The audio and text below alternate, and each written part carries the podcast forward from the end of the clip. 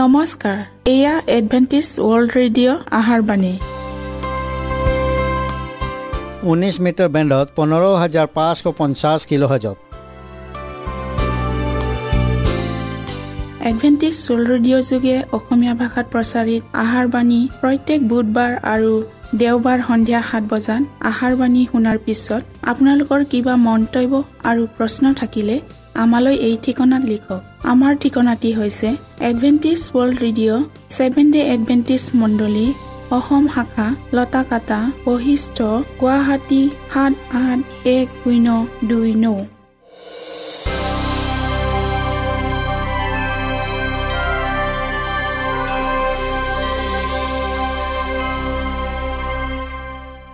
প্ৰিয় শ্ৰোতা বন্ধুসকল এতিয়া শুনো আহক এটি খ্ৰীষ্টীয় ধৰ্মীয় গীত।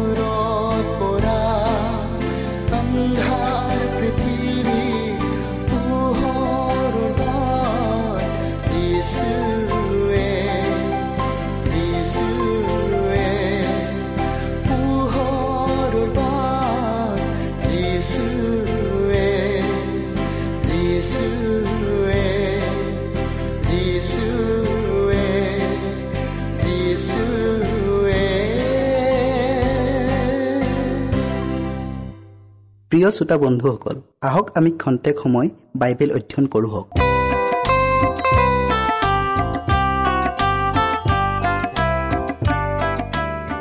প্ৰিয় শ্ৰোতাসকল নমস্কাৰ। যোৱা অনুষ্ঠানত প্ৰভুৰ দ্ৰাক্ষাবাৰী ইয়াৰ বাকী অংশটো আজি আমি আকৌ শুনো হওক। শাস্ত্ৰ পদ লোৱা হৈছে লোক একৈছ অধ্যায়ৰ তেত্ৰিছ পদৰ পৰা চৌৱাল্লিছ পদলৈকে। ঈশ্বৰৰ বাক্য শুনাৰ আগত আমি প্ৰাৰ্থনা কৰোঁ হওক। সেই সৰ্বশক্তিমান ঈশ্বৰজী হোৱা ধন্যবাদ প্ৰভু তোমাৰ আশীৰ্বাদ আৰু অনুগ্ৰহৰ বাবে। প্ৰভু আমি আজি আকৌ ঈশ্বৰৰ বাক্য শুনিবলৈ আগবঢ়াইছোঁ। প্ৰভু বিশেষ বিষয় প্ৰভুৰ দ্ৰাক্ষাবাৰী ইয়াৰ বাকী অংশটো আমি অধ্যয়ন কৰিবলৈ আগবঢ়াইছোঁ। সেই নিমিত্তে তুমি আমাৰ সংগে সংগে থাকা। আৰু পবিত্ৰ আত্মাৰ যোগেদি প্ৰত্যেক শ্ৰোতাৰ হৃদয় স্পৰ্শ কৰি দিয়া। যীশুৰ নামত খুজিলোঁ আমেন। দ্ৰাক্ষাবাৰীৰ দৃষ্টান্তই কেৱল যিহুদী লোককে কোৱা নাই আমাকো শিক্ষা এটা দিছে। আজিৰ যুগৰ মণ্ডলীক ঈশ্বৰে নানা বৰ আৰু মহা অধিকাৰ আৰু গুণসমূহেৰে অলংকৃত কৰিছে। সেয়ে তেওঁ মণ্ডলীৰ পৰা অনুৰূপ আশা কৰে। খ্ৰীষ্টৰ বহুমূলীয়া তেজৰ দ্বাৰাই আমি মুক্তি পালোঁ। কেৱল এই মুক্তিৰ গভীৰতাৰ দ্বাৰাইহে ইয়াৰ পৰিণাম উপলব্ধি কৰিব পাৰি এই জগততে।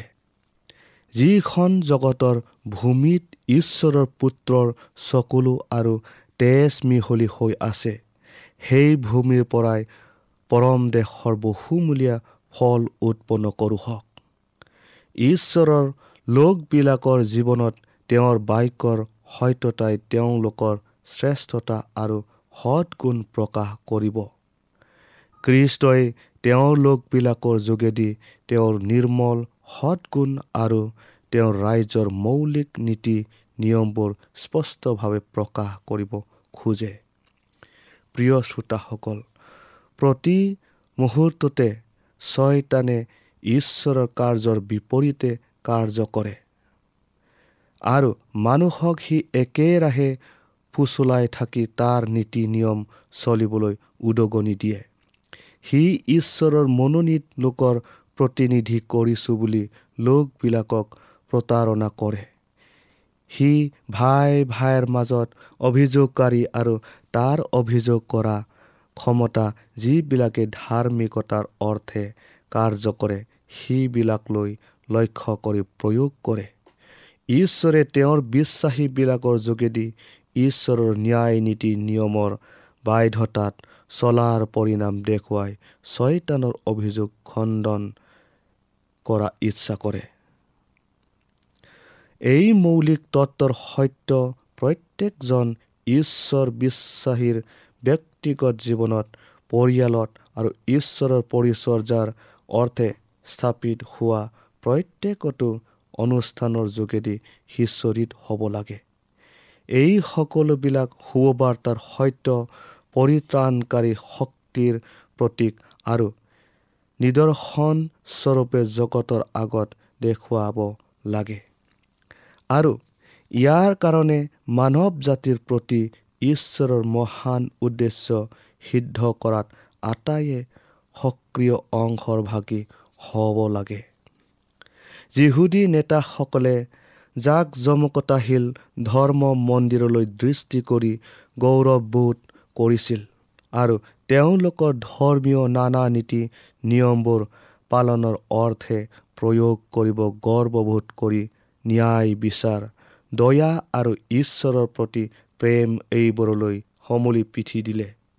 ধৰ্ম মন্দিৰৰ প্ৰভা গাম্ভীৰ্যপূৰ্ণ সেৱা উপাসনা তেওঁলোকৰ কোনোবোৰে ঈশ্বৰৰ দৃষ্টিত গ্ৰহণযোগ্য নাছিল। কাৰণ যিটো ঈশ্বৰৰ দৃষ্টিত গ্ৰহণযোগ্য তাক তেওঁলোকে উৎসৰ্গ কৰা নাছিল। তেওঁলোকে অনুতপ্ত অন্তৰত নম্ৰ বুলি উৎসৰ্গ নকৰিছিল। যেতিয়াই ঈশ্বৰৰ ৰাইজৰ জীৱনদায়ক নীতিসমূহ পালনত ব্যৰ্থ হ'ল তাৰ সলনি অনেক অশাস্ত্ৰীয় নীতি নিয়মবোৰক ধৰ্মীয় ব্যৱস্থাত সন্নিৱিষ্ট কৰি বহুমুখী আৰু অমিতব্যয়ী কৰিলে। মানুহে যেতিয়াই ঈশ্বৰৰ পথত চলিবলৈ অৱহেলা কৰে যেতিয়া হৃদয়ৰ সৌন্দৰ্য নোহোৱা হয় যেতিয়া ঈশ্বৰ তত্বৰ মধুৰতা হেৰাই যায় তেতিয়া গৰ্ব আৰু অহংকাৰত উপন্দি যাক জমকতাৰ প্ৰসাদ সদৃশ্য উপাসনালয় দেখিলে ভক্তি ভাৱ উজাগি উঠা ধৰ্মীয় নীতি নিয়মবোৰে প্ৰকৃত উপাসনাৰ স্থান অধিকাৰ কৰি লয়। কিন্তু এনেবোৰ বাহিক ধৰ্ম কৰ্মবোৰৰ দ্বাৰাই ঈশ্বৰক সন্মানিত কৰিব পৰা নাযায়। বাহিক নীতি আৰু আনক দেখুৱাবলৈ কৰা ধৰ্ম ঈশ্বৰৰ দৃষ্টিত গ্ৰাহ্য নহয়। এনেকুৱা ধৰ্ম কৰ্মৰ দ্বাৰাই কোনো স্বৰ্গীয় সঁহাৰি নাই।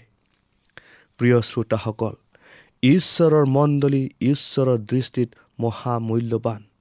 তেওঁ ইয়াৰ বাহিক আৰাম্ভৰতালৈ চাই মূল্যাংকন নকৰে। জগতৰ পৰা সম্পূৰ্ণ পৃথকে থাকি সেৱা উপাসনাহে তেওঁ গ্ৰহণ কৰে। প্ৰত্যেকজন বিশ্বাসীয়ে কৃষ্টৰ তত্ত্বজ্ঞানত আৰু আত্মিক বিষয়ত বৃদ্ধি পোৱাতহে মূল্য আৰোপ কৰে। কৃষ্টই দ্ৰাক্ষা বাৰীৰ পৰা সূচী আৰু নিস্বাৰ্থ ফল পাবলৈ অতি আগ্ৰহেৰে বাট চাই আছে। লগতে প্ৰেম আৰু দয়াৰ আশাও তেওঁ কৰে। যিবিলাক কৃষ্টৰ লোক তেওঁলোকৰ মনৰ স্থিৰতা শাৰীৰিক আৰু মানসিকতাৰ সৌন্দৰ্য জগতৰ কোনো চিত্ৰকণে বৰ্ণনা কৰিব নোৱাৰে। এয়া অনুগ্ৰহৰ পাৰিপাৰ্শ্বিক পৰিৱেশ বিশ্বাসীজনক পৰ দি থাকে। সেইজনক পবিত্ৰ আত্মাই মন আৰু শৰীৰক উদগাই জীৱন সুগন্ধস্বৰূপ কৰি তোলে। আৰু সেইজন ব্যক্তিৰ প্ৰত্যেক কাৰ্যত ঈশ্বৰৰ পৰা আশীৰ্বাদযুক্ত হ'ব। কোনো এখন সমাজ দেশখনৰ ভিতৰত দৰিদ্ৰ হ'ব পাৰে। বাহিৰা দৃষ্টিভংগীৰে হয়তো কাৰো আকৰ্ষণ কৰিবও নোৱাৰে কিন্তু ইয়াৰ বিশ্বাসীবিলাকে যদি কৃষ্টৰ সৌন্দৰ্য শুদ্ধতা আৰু সৎমতি ধাৰণ কৰি থাকে তেন্তে তেওঁলোকৰ হৃদয়ত তেওঁৰ আনন্দই বিৰাজ কৰিব। দূতবিলাকেও তেওঁলোকৰ সেৱা আৰাধনাত সংগ ল'ব আৰু তেওঁলোকৰ কৃতজ্ঞ হৃদয়ৰ পৰা ওলোৱা স্তুতি ধন্যবাদ মধুৰ সুবাসৰ দৰে ঈশ্বৰৰ আগত গ্ৰহণযোগ্য হ'ব। প্ৰিয় শ্ৰোতাসকল ঈশ্বৰৰ ইচ্ছা এই যে আমি যেন তেওঁৰ সৎগুণ আৰু তেওঁৰ ক্ষমতাৰ বিষয়ে আনৰ আগত কওঁ। স্তুতি প্ৰশংসা আৰু ধন্যবাদেৰে তেওঁক ভক্তি কৰা হয়। তেওঁ কৈছে যিজনে স্তুতিৰূপ বলি উৎসৰ্গ কৰে সেইজনে মোক গৌৰৱান্বিত কৰে। ইজৰাইলবিলাকে মৰুভূমিৰ মাজেদি যাত্ৰা কৰা কালত ধৰ্ম বিষয়ক গীত গানেৰে ঈশ্বৰৰ প্ৰশংসা কৰিছিল। তেওঁলোকে ঈশ্বৰৰ আজ্ঞা আৰু প্ৰতিজ্ঞাসমূহ সংগীতৰ স্বৰ দি তীৰ্থযাত্ৰীৰ দৰে উৰে বাটে গাই গৈছিল। তেওঁলোকে পবিত্ৰ ভোজৰ সময়ত কণান দেশত সমবেত হোৱাত তাতো ঈশ্বৰৰ আচৰিত কৰ্মবোৰত গুণানুকীৰ্তন পুনৰাবৃত্ত কৰি কৃতজ্ঞতাপূৰ্ণ ধন্যবাদ সূচক উৎসৰ্গ তেওঁলৈ আগবঢ়োৱা হৈছিল। ঈশ্বৰৰ ইচ্ছা আছিল যে তেওঁৰ লোকবিলাক আজীৱন প্ৰশংসামুখৰ হৈ থাকিব। এইদৰে গোটেই পৃথিৱীত যেন তেওঁৰ পথ জনা হয় আৰু সকলো জাতিৰ মাজত যে তেওঁৰ পৰিত্ৰাণ প্ৰকাশিত হয়। ঈশ্বৰৰ মণ্ডলী তদ্ৰূপ সক্ৰিয় সাক্ষ্য দিওঁতা মণ্ডলী হ'ব লাগে। জগতৰ অনেক লোকে অহাৰ দেৱ দেৱতাবোৰৰ সেৱা পূজা কৰিছে। তেওঁলোকে মূৰ্তিবোৰৰ প্ৰকাশে নিন্দা কৰি আঁতৰি নাহি কিন্তু উত্তম পথলৈ দৃষ্টি কৰি ওলাই আহক। ঈশ্বৰৰ দয়া আটাইয়ে জানক এই হেতুকে জিহুৱাই কৈছে তোমালোকে মোৰ সাক্ষী আৰু ময়ে ঈশ্বৰ। যীশুয়া তেৰ অধ্যায়ৰ বাৰ পদত। প্ৰিয় শ্ৰোতাসকল ঈশ্বৰৰ ইচ্ছা এয়ে যে আমি যেন তেওঁৰ মহা উদ্ধাৰৰ আঁচনিৰ উচিত মূল্যাংকন কৰোঁ। যিহেতু আমি ঈশ্বৰৰ সন্তান হোৱাত যি ন্যায় অধিকাৰ আছে তাক বাধ্যতাৰে সৰুগত কৰি কৃতজ্ঞতাৰ ধন্যবাদ দিওঁ হওক। আমি জীৱনৰ নতুন তত্ত্ব চলি প্ৰত্যেক দিনেই আনন্দেৰে থকাটো তেওঁ বাঞ্ছা কৰে। আমাৰ হৃদয় কৃতজ্ঞতাৰে পৰিপূৰ্ণ হোৱাটো তেওঁ বিচাৰে। কাৰণ আমাৰ নামবোৰ মেৰ পোৱালীৰ জীৱন পুস্তকত লিখা হ'ল। যিজনাই আমাৰ নিমিত্তে চিন্তা কৰে সেইজনাৰ ওপৰত আমাৰ আটাই চিন্তাৰ ভাৰ সোধাই দিওঁ হওক। তেওঁ আমাক আনন্দ কৰিবলৈ কয় কাৰণ উত্তৰাধিকাৰী সূত্ৰে আমি তেওঁৰ মূল্যৱান সম্পত্তি স্বৰূপ।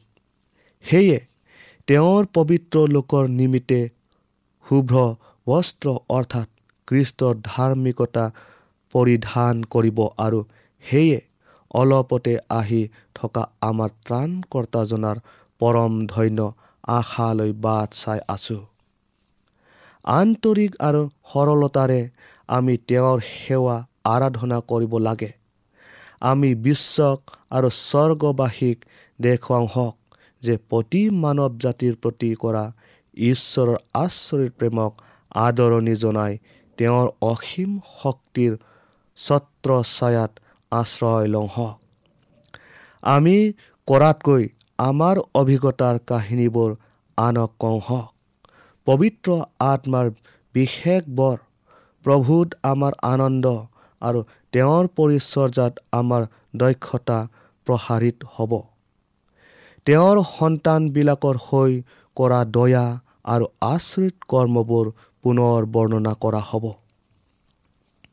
এনেবোৰ কৰ্ম প্ৰয়োগে ছয়তানৰ অপশক্তিক আঁতৰ কৰি পঠিয়ায়।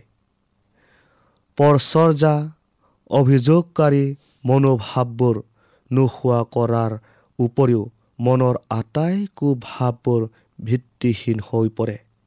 তেনেকুৱা লোকবিলাকে পৃথিৱীত থকা কালতেই স্বৰ্গীয় গৃহত বাস কৰিবৰ অৰ্থে সৎ গুণবোৰৰ অধিকাৰী হোৱাৰ প্ৰয়াস কৰে। এনেবোৰ প্ৰতিফলনে আনৰ ওপৰত প্ৰভাৱ বিস্তাৰ কৰে। খ্ৰীষ্টলৈ আনক আনিবৰ নিমিত্তে নিষ্ক্ৰিয়তা প্ৰযোগ্য নহয়।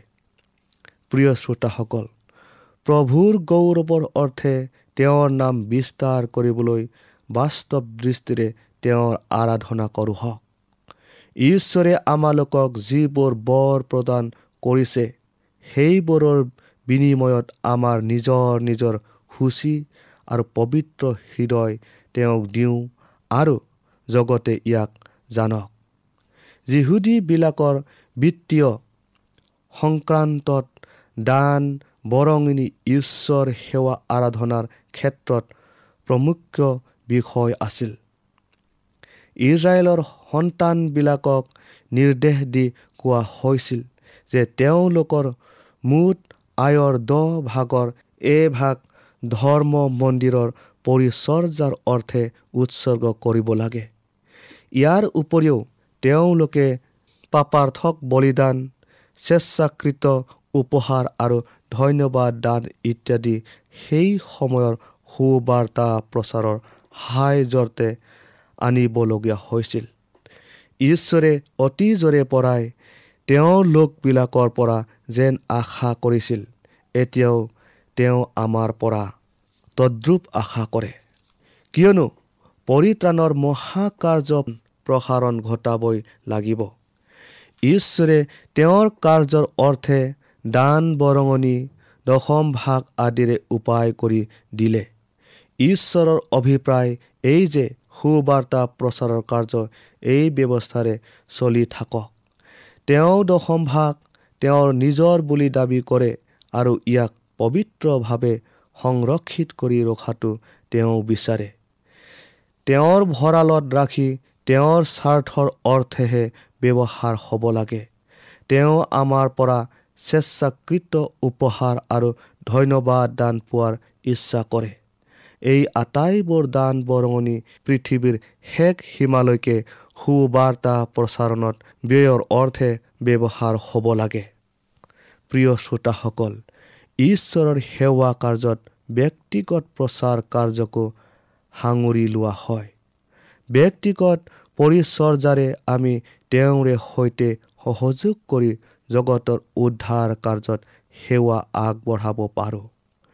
কৃষ্টই তেওঁৰ অনুগামীসকলক আদেশ দি কৈছিল গোটেই পৃথিৱীলৈ গৈ সমুদায় মানৱ জাতিৰ আগত সুবাৰ্তা প্ৰচাৰ কৰা।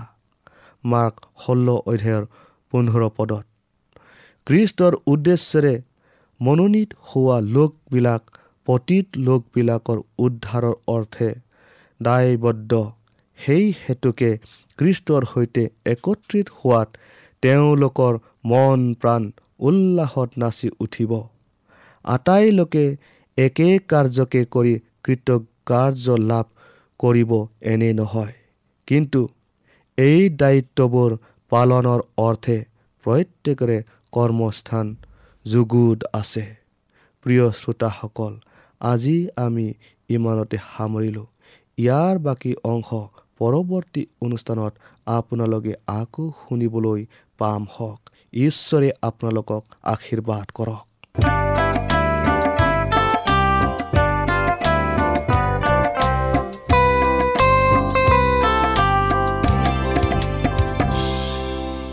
ইমানপুৰে আমি বাইবেল অধ্যয়ন কৰিলোঁ। এতিয়া আকৌ শুনো আহক এটি খ্ৰীষ্টীয় ধৰ্মীয় গীত।